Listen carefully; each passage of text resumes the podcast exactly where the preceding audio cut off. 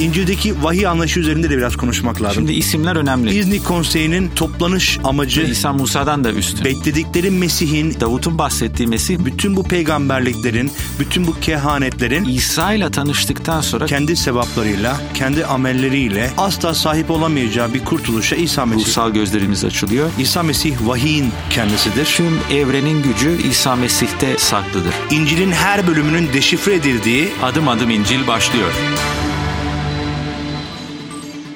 Adım Adım İncil programında Radyo Maranata'dan bizi dinleyen tüm dinleyicilerimize ben Mark Madrigal. ben Emre Karali merhaba diyoruz. Bu program boyunca elimizden geldiğince, dilimiz döndüğünce sizlere kutsal kitabın yeni antlaşma bölümleri, bilinen ismiyle İncil'in her bölümünü ele alacağız. Açıklamaya, sıkça sorulan soruları yanıtlamaya çalışacağız. Soru ve görüşlerinizi sosyal medya hesaplarından et Radyo Maranata yazarak ya da www.radyomaranata.com web sitesinden mail yoluyla bize ulaşabilirsiniz diyoruz ve bugünkü programımıza başlıyoruz. Sevgili dinleyiciler bugün ikinci Petrus mektubu ya da Petrus'un ikinci mektubu ve Yahuda mektupları üzerinde konuşacağız. Böylece yavaş yavaş e, İncil bölümlerinin sonuna doğru da gelmekteyiz.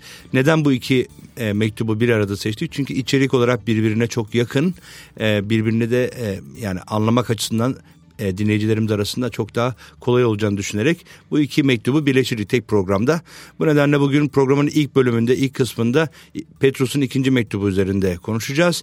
E, ikinci kısmı daha ziyade Yahuda mektubu üzerinde yoğunlaşarak geçireceğiz. Bunu e, başlarken bildirelim ve e, ikinci Petrus'ta başlayacağız ama Programımıza başlarken hatırlatmak istiyorum. Sosyal medya hesapları üzerinden bize ulaşabilirsiniz. Arama kısmına Radyo Maranata yazmanız yeterlidir. Aynı zamanda soru et radyomaranata.com adresinden de bize ulaşabileceğinizi anımsatalım ve yavaş yavaş programa başlayalım Mark ne dersin?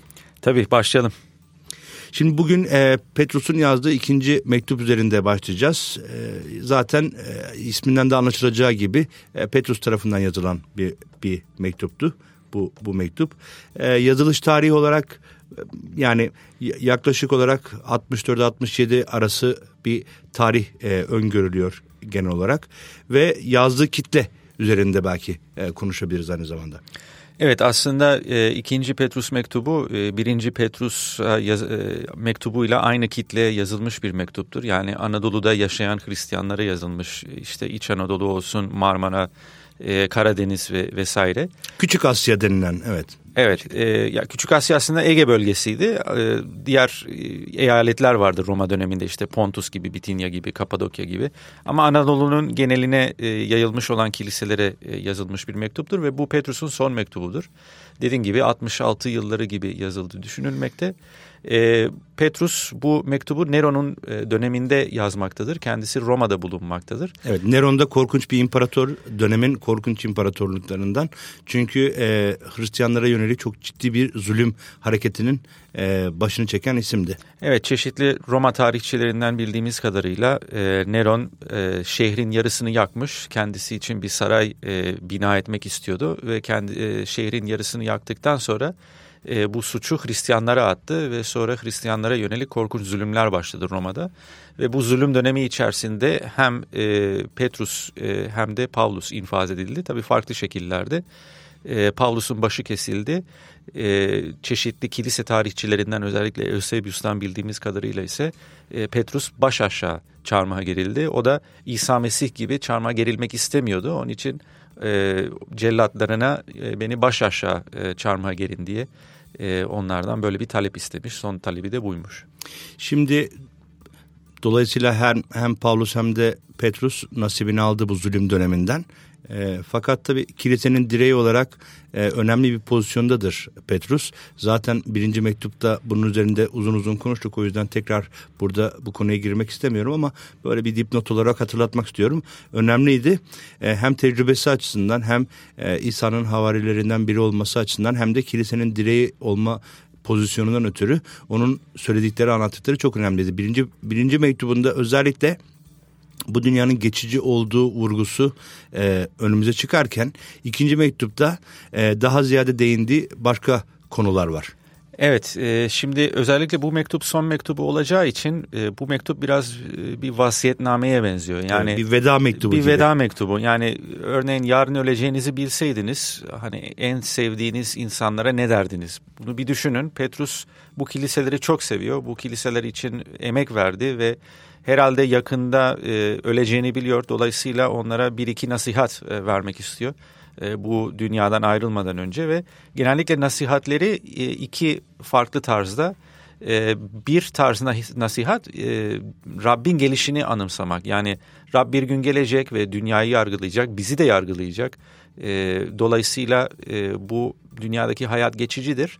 Ona göre biz kendi hayatımızın önceliklerini e, doğru olduklarını ve e, Rabbe hazır olmamız lazım bireysel olarak. Ve ikinci nasihati ise özellikle e, yalan konuşan e, sahte peygamberler veya sahte öğretmenlerden e, çekinmek, onlardan uzak durmak. Çünkü e, birçoklarını kandırıyorlar ve Rab'den e, e, kopartmaya e, neden oluyorlar. Tabii bütün bunları e, kapsayan bir diğer üçüncü nokta da şudur. E, Petrus bu mektup boyunca da e, bu e, inanca mensup Hristiyanların yani güçlü Hristiyanlar olmaları için de büyük bir teşvik e, kaynağı olarak bu mektubu kullanıyor. Her zaman bu vurguyu e, mektup boyunca da görebiliyoruz. O zaman biraz mektubun içeriğine geçelim. Ana hatları dediğimiz e, içeriğine de geçebiliriz yavaş yavaş. Tabii ki. E, ya ben normalde mektubu üçe bölüyorum. E, ilk 15 ayeti teşvik sözleridir. Ardından gelen kısım 3. bölümün 4. ayetine kadar olan kısım özellikle sahte öğretmenler ve öğretişler hakkında çeşitli uyarılar bunlarla ne yapmamız gerekiyor. Ve son kısım ise Rabbin günü hakkında e, son hatırlatmalar. O halde e, yavaş yavaş biraz e, mektup hakkında konuşmaya başlayacağız. E, dediğim gibi bugün programımızı e, iki ayrı bölümden oluşturacağız. İlk 15 dakikamızda e, ikinci, Petrus'un ikinci mektubu üzerinde ikinci kısımda Yahuda üzerinde konuşacağımız için bugün e, o detayları zaten Petrus'un birinci mektubunda birçok detay verdik. E, bu bağlamda şimdi birazcık daha mektubun içeriği hakkında konuşmaya başlayalım. Evet e, özellikle ilk bölümdeki teşvik sözleri ilginç e, çünkü orada Petrus bir şey, bir şey hatırlatıyor. O da bu hayatın amacı e, Mesih'le bir birliktelik geçirmek, bir ilişki geçirmek, bir hayat geçirmek. Yani inancın amacı sadece işte çeşitli dini kuralları e, tutmak değil veya çeşitli yasalara itaat etmek değil. E, inanç aslında İsa ile bir ilişkidir ve Tanrı'nın bizden isteği aslında İsa ile bir ilişki içinde e, olmamız ve onun ruhuyla bir şekilde birleşmemiz. Ama tabii bu biraz gayret isteyen bir şey. Yani evet İsa Mesih e, bizi aklıyor, bizi kurtarıyor. Ama kutsallaşmaya gelince e, kutsallaşma yolu biraz bizim gayretimizi de gerektiren bir şey. Dolayısıyla e, iman hayatımızı çeşitli şeylerle doldurmamız gerektiğini bize hatırlatıyor. İşte sadakat olsun, erdem olsun, bilgi olsun, öz denetim olsun, dayanma olsun, kardeşseverlik olsun. Bunlar hayatımızda gerekli olan şeyler bazen otomatikmen ortaya çıkmıyorlar ama hayatımızı bu prensipler üzerine inşaat ediyorsak e, o zaman Tanrı sevgisini tecrübe etmiş oluyoruz ve başkalarına Tanrı sevgisini de yansıtmış oluyoruz. Şimdi Petrus'un e, mektubunun ikinci mektubunun hemen başlarında e, ki ayetlerde zaten bunu söylediklerini açıkça görebiliyoruz. Yani bir Tanrı'yla öz yapısıyla tanrısal bir öz yapıya ortak olmamız üzerinde e, odaklanarak e, mektubun e, 15. ayetinde de işte bunun bir veda mektubunu olduğunu söyleyerek aslında Petrus'un hayatı boyunca e, onun için temel ilki oluşturan, yaşam amacı oluşturan şeyin ne olduğunu da görebiliyoruz. Çünkü düşünün eğer e, hayatınızı e, farklı amaçlar uyarınca geçirmiş ol, olsaydınız o zaman bu son mektupta değineceğiniz konular bunlar olurdu. Fakat bu kişiler e, Petrus onlardan bir tanesi e, bütün hayatını Mesih'e adamış, e, ona sadakatle, ona hizmetle geçirmiş bir kardeşimiz olarak e, son mektubunda aslında hala ölüm döşeğindeyken bir, bir anlamda hala bu konular üzerinde kiliseyi teşvik etmeye, onları canlandırmaya, onları ayakta tutmaya gayret ediyor. Ve e, dördüncü ayette diyor ki onun yüceliği ve erdemi sayesinde bize çok büyük ve değerli vaatler verildi. Öyle ki dünyada kötü arzuların yol açtığı yoldaşmalarda yoldaşmadan kurtulmuş olarak bu vaatler aracılığıyla tanrısal öz yapıya ortak olasınız. Dolayısıyla mektubun ilk parçasının e, temel ayetlerini oluşturacak e, ayet olarak gözüme çarpıyor. Bunu her zaman her Hristiyanın da aklında tutması gerekiyor diye düşünüyorum. Evet yani e, Hristiyan hayatında aslında şöyle bir paradoks var. E, doğru kelime ise tabii tam bilmiyorum ama paradoks şudur. Yani Rab bize lütuf gösteriyor. E, Rab e, Rab bize güç veriyor ama aynı zamanda bizden bir çabalama bekliyor. Onun için 15. ayette e, Petrus der ki şimdi her gayreti göstereceğim diyor. Yani e, kutsallık hayatı bizim tarafımızdan bir gayret e, bekleyen bir hayattır. Çünkü bazen e, çeşitli imanlarla karşılaşıyorum. Diyorlar ki işte ben e, Rabbi e, sezemiyorum, işte e, Rabbe yakın hissetmiyorum, işte onun için dua etmiyorum, onun için kutsal kitap okumuyorum veya içimden gelmiyor. Ve bazen böyle durumlar yaşayabiliriz ama şunu bilmemiz lazım, biraz gayret göstermemiz lazım, biraz çaba sarf etmemiz lazım ki o Tanrı'nın ruhuyla karşılaşabilelim. Yani her ilişkide e, bir ilişkinin çalışabilmesi için her iki tarafta e, bir gayret göstermesi lazım. Sadece tek taraf gayret gösteriyorsa Rab zaten gayret gösteriyor. Rab zaten bize sesleniyor. Rab zaten bize yaklaşıyor ama biz bir gayret göstermiyorsak, e, biz hani disiplinli bir hayat sürdürmeye çalışmıyorsak o zaman burada bir sıkıntı var. E, Rabbi tecrübe edemiyorsak, Rab dualarımıza cevap vermiyorsa biraz belki kendimize sormamız lazım. Gerçekten ben Rabbi tüm yüreğimle istiyor muyum? E, veyahut e, ona ulaşmak için çaba sarf ediyor muyum? Yoksa otomatikmen sanki her şeyin e, sürekli işlemesini mi bekliyorum? Tabii bu noktada parantez açmamız lazım e, dinleyicilerimiz için. Yani kurtuluş kesinlikle bu gayretle alakalı bir şey değildir. Kurtuluş tamamen e, Mesih İsa'ya olan imanla söz konusudur. Yani bu farklı bir noktadır. E, senin bahsetmek istediğin konu e, tabii ki birçoğumuz tarafından çok net anlaşıldı ama belki aramıza yeni katılan dinleyiciler olduğu için bir parantez açmakta fayda var.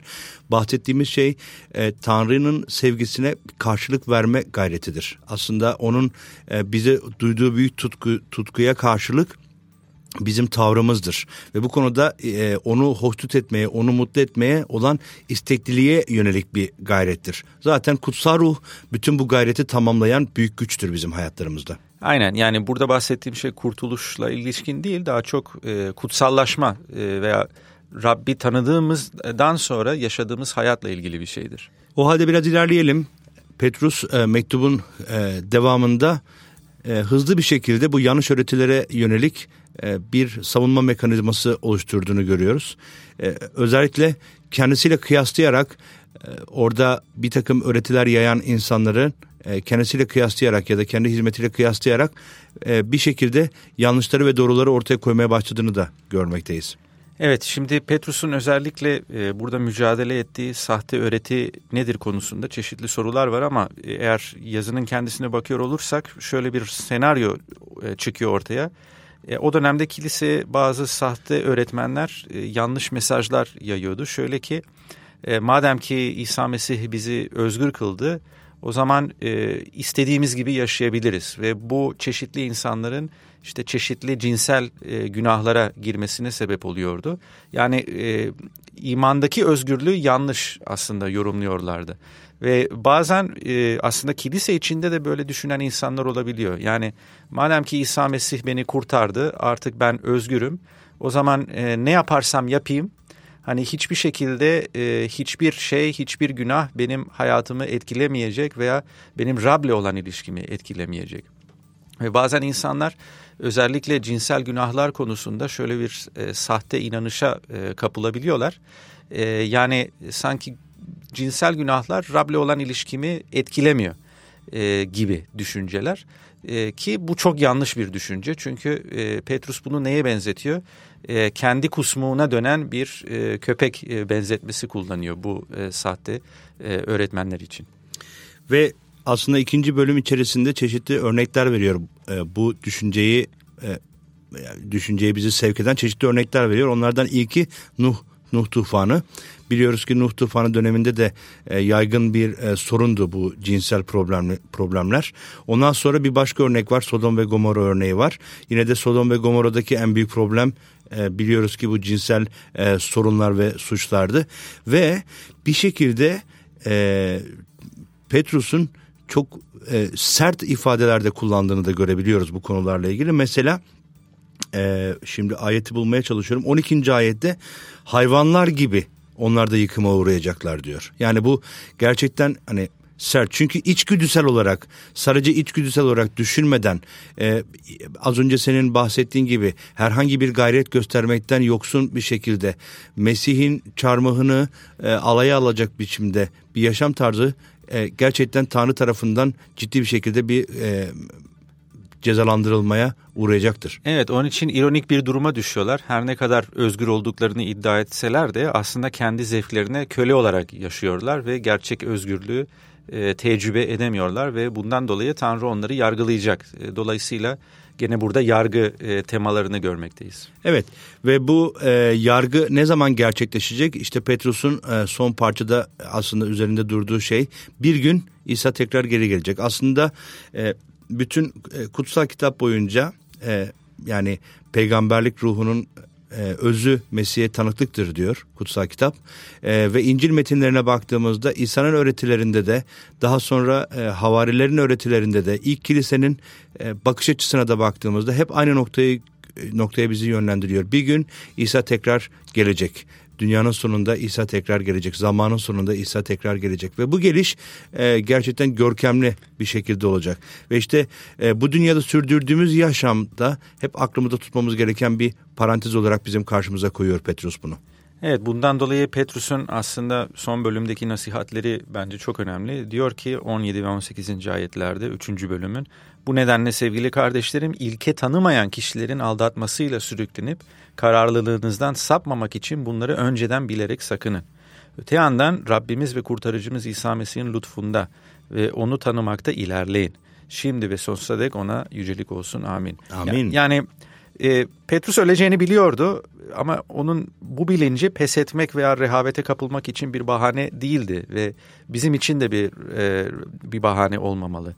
E, Rab ile e, ve onun yaratmak istediği yeni yaratılışla ortak olma çabalarımızda bu bize teşvik olsun e, diyelim ve bu şekilde bu mektubu sonlandıralım. Evet yani mektubun içerisindeki çok önemli yani ana hatların e, ötesinde küçük bir parantez de gözümüze çarpıyor. E, bu da genel olarak Hristiyan inancının Pavlus'un temellendirdiği bir inanç olduğunu, Pavlus'un yarattığı bir inanç sistemi olduğu üzerindeki tartışmaları da ortadan kaldıran e, bir söz var. Ya da e, diğer havarilerle aynı görüşte olmadığı, İsa ile aynı görüşte olmadığı Pavlus'un iddialarına da e, 3. bölüm 16. ayette e, iyi bir cevap olarak karşımıza çıkıyor. Bunu bir parantez olarak söylüyorum, e, tekrar e, belirteyim. Evet güzel bir ayet. Diyor evet ki, 16. ayette e, ilginç ifadeler var. E, evet diyor ki Pavlus bütün mektuplarında bu konulardan böyle söz eder. Yani o bahsettiği konu nedir? Bu Mesih'teki özgürlük konusu az önce bahsettiğimiz konu. E, mektuplarında güç anlaşılan bazı yerler var ki bilgisiz ve kararsız kişiler öbür kutsal yazıları olduğu gibi bu anahtar cümle. Demek evet. ki Petrus Pavlus'un tüm mektuplarını e, kutsal, kutsal yazı, yazı en azından eski ahit kadar e, Tanrı tarafından esinlenmiş yazı olarak görmekte. E, bunları da çarpıtarak kendi yıkımlarını e, hazırlıyorlar. Burada tabii e, bu özellikle cinsel e, günah konusunda e, çarpık çarpık öğreti e, verenlere bir uyarı veriyor ama işte Pavlus bundan da söz ettiğini ve Pavlus'un yazılarından da kutsal yazı olarak bahsediyor. Ve bu da aslında Mesih İsa'ya iman eden e, o ilk kuşağın tamamen aynı görüşte olduğunu da bize gösteren bir durum. Bu anlamda birinci Petrus e, mektubunda olduğu gibi ikinci Petrus mektubunda da Petrus hayatının son döneminde de bu üç konu üzerinde bizleri uyarıyor. E, onlardan ilki e, gerçekten güçlü bir Hristiyan yaşamı e, sürmek için gayretimizin eksilmemesi gerektiği, kulağımızı okşayan hoş sözlerle e, hiçbir öğretinin bizi aldatmaması, temelimiz her zaman Tanrı sözü, e, İsa'nın öğretileri olması gerektiği ve hayat, bu dünyada sürdürdüğümüz hayatı bir gün İsa'nın tekrar geri, geri geleceği e, anımsayarak o bilinçte yaşamamız gerektiği bu anlamda kendimizi hem ruhta hem de gerçekte geliştirmemiz gerektiği yönündedir diyelim. E, ikinci Petrus mektubunu da burada bitirelim. Şimdi ikinci bölüme gideceğiz. Ee, kısa bir aranın ardından ikinci bölümde Yahuda mektubu üzerinde konuşacağız. Dediğim gibi içerik olarak birbiriyle benzer mektuplar olduğu için bugün iki mektubu bir arada işleyeceğiz. Kısa bir ara rica ediyoruz sizden. Kısa bir aranın ardından tekrar sizlerle olacağız.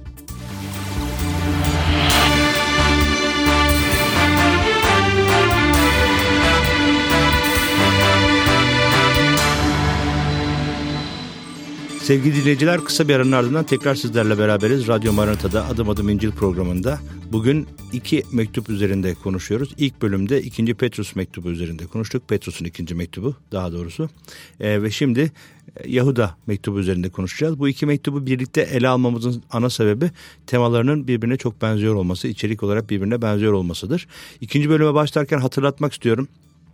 Soru ve görüşlerinizi bize ulaştırabilirsiniz. Sosyal medya hesapları kullanabilirsiniz. Arama kısmına Radyo Maranata yazmanız yeterlidir. Aynı zamanda soru et radyomaranata.com adresinden e-mail yoluyla da bize ulaşabileceğinizi hatırlatalım. Şimdi ilk bölümde Petrus e, üzerinde konuştuk. Petrus'un ikinci mektubu üzerinde konuştuk. E, ikinci bölümde e, Yahuda mektubu üzerinde konuşacağız. Tabi adından da anlaşılacağı gibi mektubun yazarı Yahuda ama hangi Yahuda? Çünkü hem İsa'nın havarileri arasında bir Yahuda vardı e, hem de Yakup'un kardeşi ya da e, Mesih İsa'nın doğumundan sonra Meryem'le Yusuf'un e, daha sonra doğan çocuklarından biri e, olan bir Yahuda vardı ve genel e, düşünce e, mektubu yazarının Yahuda yani e, Yakup'un kardeşi Yahuda olduğu, İsa'nın doğumundan sonra dünyaya gelen kardeşlerinden biri olduğu e, düşüncesi var. Evet ve oldukça ilginç bir mektup çünkü aslında mektubun girişine baktığımızda e, Yahuda'nın kendisi sanki başka konular e, hakkında yazmak istiyordu. Özellikle Tanrı'nın lütfu hakkında ama kendisine çeşitli haberler geliyor. E, çeşitli sahte öğretmenlerle ilgili. Bundan dolayı bir uyarı mektubu yazmak zorunda kalıyor ve bundan dolayı genellikle 2. Petrus ve Yahuda mektupları e, birlikte okunur. Çünkü e, ikisi de uyarı ciddi uyarılar içermektedir. Yazdığı kitle Petrus'tan biraz farklı olabilir. Yahuda büyük ihtimalle daha çok Yahudi bir kitleye yazıyordu. Petrus ise hem Yahudi hem Helen karışık olmak üzere Anadolu'da yayılmış olan kiliselere ve cemaatlere yazıyordu. Ama benzer şeyler söz konusu. Yani Yahuda mektubunda gördüğümüz şeylerden biri yine sahte öğretişler yayan özellikle Mesih'teki özgürlüğü yanlış e, yorumlayan e, öğretmenlerin varlığı. Hani aradan önce dediğimiz gibi bazen e, şöyle bir düşünceye sahip olabiliyor imanlı kardeşler. Hani madem İsa beni özgür kıldı o zaman hani artık istediğimi yapabilirim. E, hiçbir şekilde e, bu kurtuluşumu etkilemez, bu iman hayatımı etkilemez gibi düşünceler. Ve bu düşünceler biraz tehlikeli düşünceler çünkü Tanrı diyor ki ben bu kişileri yargılayacağım. Dolayısıyla sizi de yargılayacağım. E, dolayısıyla bu konular hakkında e, ya Rab hiçbir zaman şaka e, yapmıyor. Ve ben görüyorum ki bazen modern dünyamızda da özellikle modern çağda benzer düşünceler var. Yani örneğin birkaç örnek vermek gerekirse özellikle batıda yaşanan sıkıntılardan bir tanesi şimdi eşcinsellikle ilgili. Şimdi birçok Hristiyan çıkmaya başladı. Dedi ki hem eşcinsel de olabilirsin hem Hristiyan da olabilirsin. Şimdi bu resmen Pandora'nın kutusunu e, açan bir e, bir şey. E, tabii ki e, yani e, doğal olarak bazı eğilimlerimiz olabilir. O ayrı bir mesele ama hani e, eşcinsel bir hayat sürdürmek, bunu aktif olarak sürdürmek ve daha sonra hani ben Rabbe iman ediyorum demek biraz çelişkili bir konu burada. Çünkü biz zannediyoruz ki sanki e, fiziki veya cinsel hayatımız ruhumuzu etkilemiyor. Ama kutsal kitabın dünya görüşünde böyle değil. Kutsal kitap her zaman insanı bütünsel olarak görüyor. Dolayısıyla fiziksel olarak yaptığımız şeyler ruhumuzu da etkiliyor ve ruhsal olarak yaptığımız şeyler e, fiziki e, bedenimizi de etkiliyor. Dolayısıyla bu e, yanlış düşüncelerden sapmalıyız ve Yahuda görüyor ki evet bu gerçekten ciddi bir konu ve bundan dolayı özellikle bu konu hakkında e, bu mektubu yazmak istiyor. Şimdi mektubun yazılış dönemi yani hemen hemen e, Petrus mektubuyla yakın olduğu düşüncesi ağır basıyor. Yani e, genel görüş e, 64-66 İsa'dan sonra 64-66 yılları arasında E, bazı kişiler 67-80 arasında olabileceğini de düşünüyor. E, dolayısıyla muhtemelen Petrus'un mektuplarından daha sonra yazılmış bir mektup olarak karşımıza çıkıyor. Fakat e, dediğimiz gibi içerik aynıdır. Çünkü kilise bir şekilde aynı sorunlarla boğuşmaktadır. Mektup çok uzun bir mektup da değil. yani Petrus'un mektuplarına kıyasla ya da yeni antlaşma bölümündeki mektuplara kıyasla uzun bir mektup olarak karşımıza çıkmıyor. Yani e, 24 ayetten oluşan, tek bölümden oluşan bir mektup olarak karşımıza çıkıyor ama içeriye baktığımızda temel noktalarda e, Petrus'un uyardığı ya da Paulus'un uyardığı, kiliseyi uyardığı e, konulardan çok da farklı konularla karşımıza çıkmıyor. Şimdi e, senin söylediklerine tamamen katılıyorum. Çünkü birçok insan e, dünyasal bilgeliğin peşinde giderek, e, dünyasal doğruluğun peşinde giderek yani bir, bir anlamda akıntının içerisine kendilerini bırakmayı daha kolay e, düşünüyorlar. Ama e, ben birçok vaazımda da örnek verdiğim gibi Hristiyan olmak akıntıya karşı yüzmek demektir. Çünkü bütün dünya bir tarafa doğru giderken İsa onun tam tersi tarafına doğru gidiyordu. İsa'nın yaşam biçimi genel olarak dünyanın yaşam biçimine tersti. İsa'nın düşünce biçimi genel olarak e, dünyanın düşünce biçimine tersti. O zaman bir Hristiyan Mesih iz, e, izleyicisi demektir. E, Mesihçi demektir. Mesih izleyicisi de e, İsa'yı örnek alan bir yaşam tutumu içerisinde olmak gerekiyor. Dolayısıyla akıntıya kapılmak, akıntıya kendimizi kaptırmak bizim sakınma, sakınmamız gereken noktalardan biriydi. Ve o dönemde kilise ne yazık ki kendini bu akıntıya kaptırmış görünüyor. E, özellikle bu kulakları okşayan, e, pohpohlayan e, ve her şeyi doğallaştıran ifadeler kilisede birçoklarının Rab'den uzaklaşmasını, Tanrı'nın istemlerini dışında hareket etmelerine sebep oluyor. Ama buna yönlendiren insanlar da var ve e, Yahuda bu kişilerden şöyle bahsediyor 19. ayette diyor ki bölücü insan doğasıyla sınırlı kutsal ruhtan yoksun kişiler. Yani bu sahte öğretileri yayan kişiler.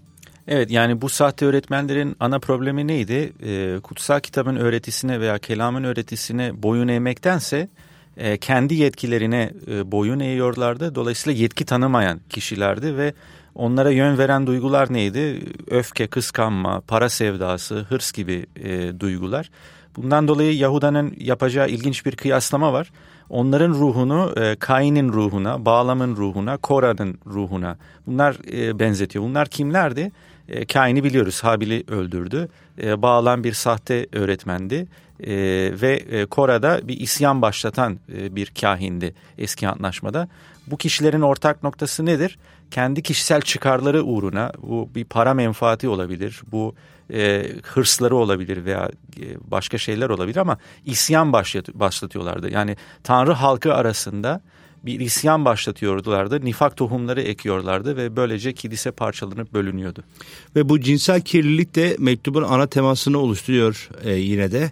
E, özellikle o dönemde de yani günümüzde olduğu gibi e, şekli değişti ne yazık ki ama e, içerik olarak pek bir farkı yok.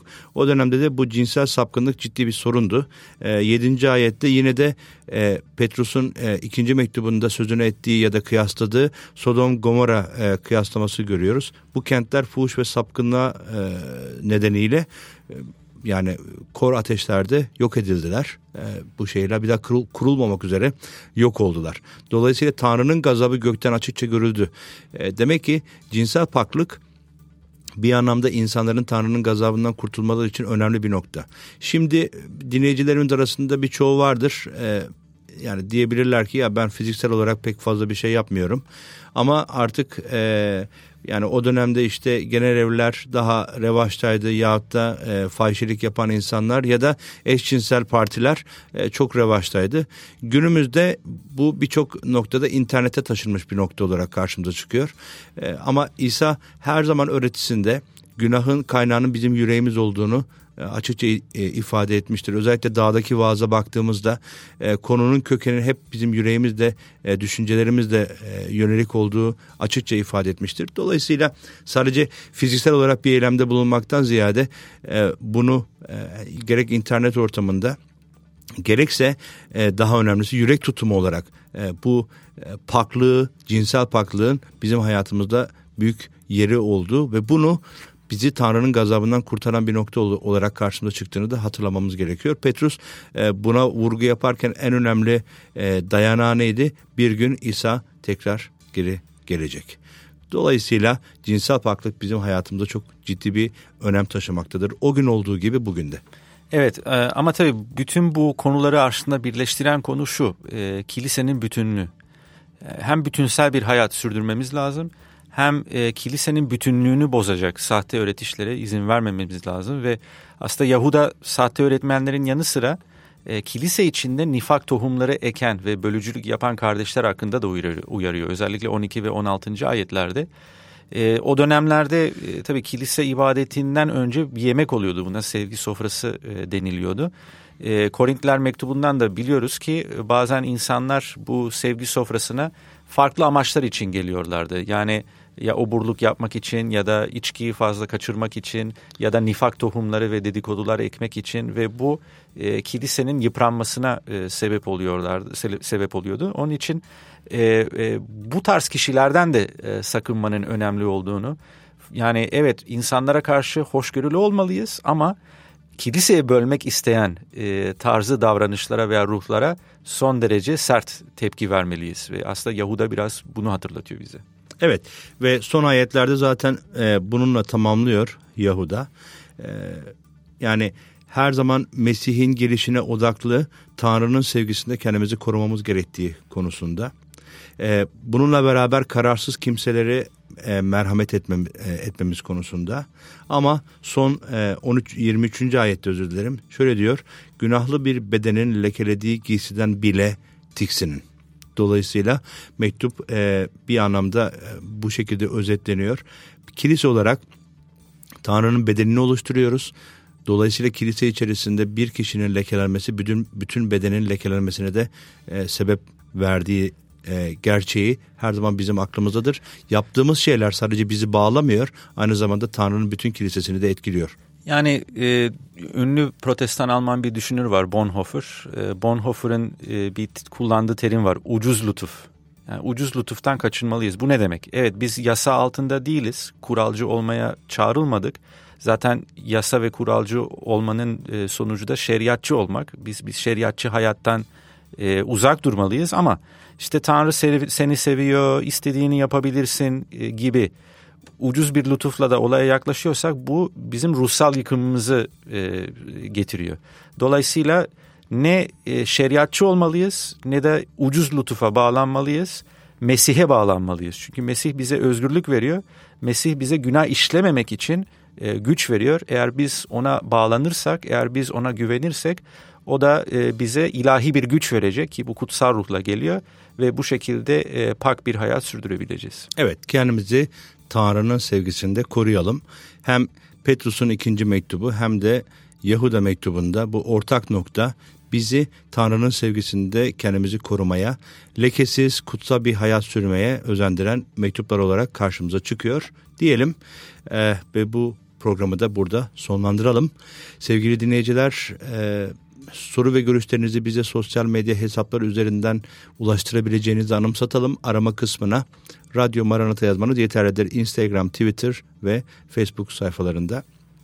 Aynı zamanda soru et radyomaranata.com adresinden de görüşlerinizi, sorularınız varsa sorularınızı bize ulaştırabilirsiniz diyelim.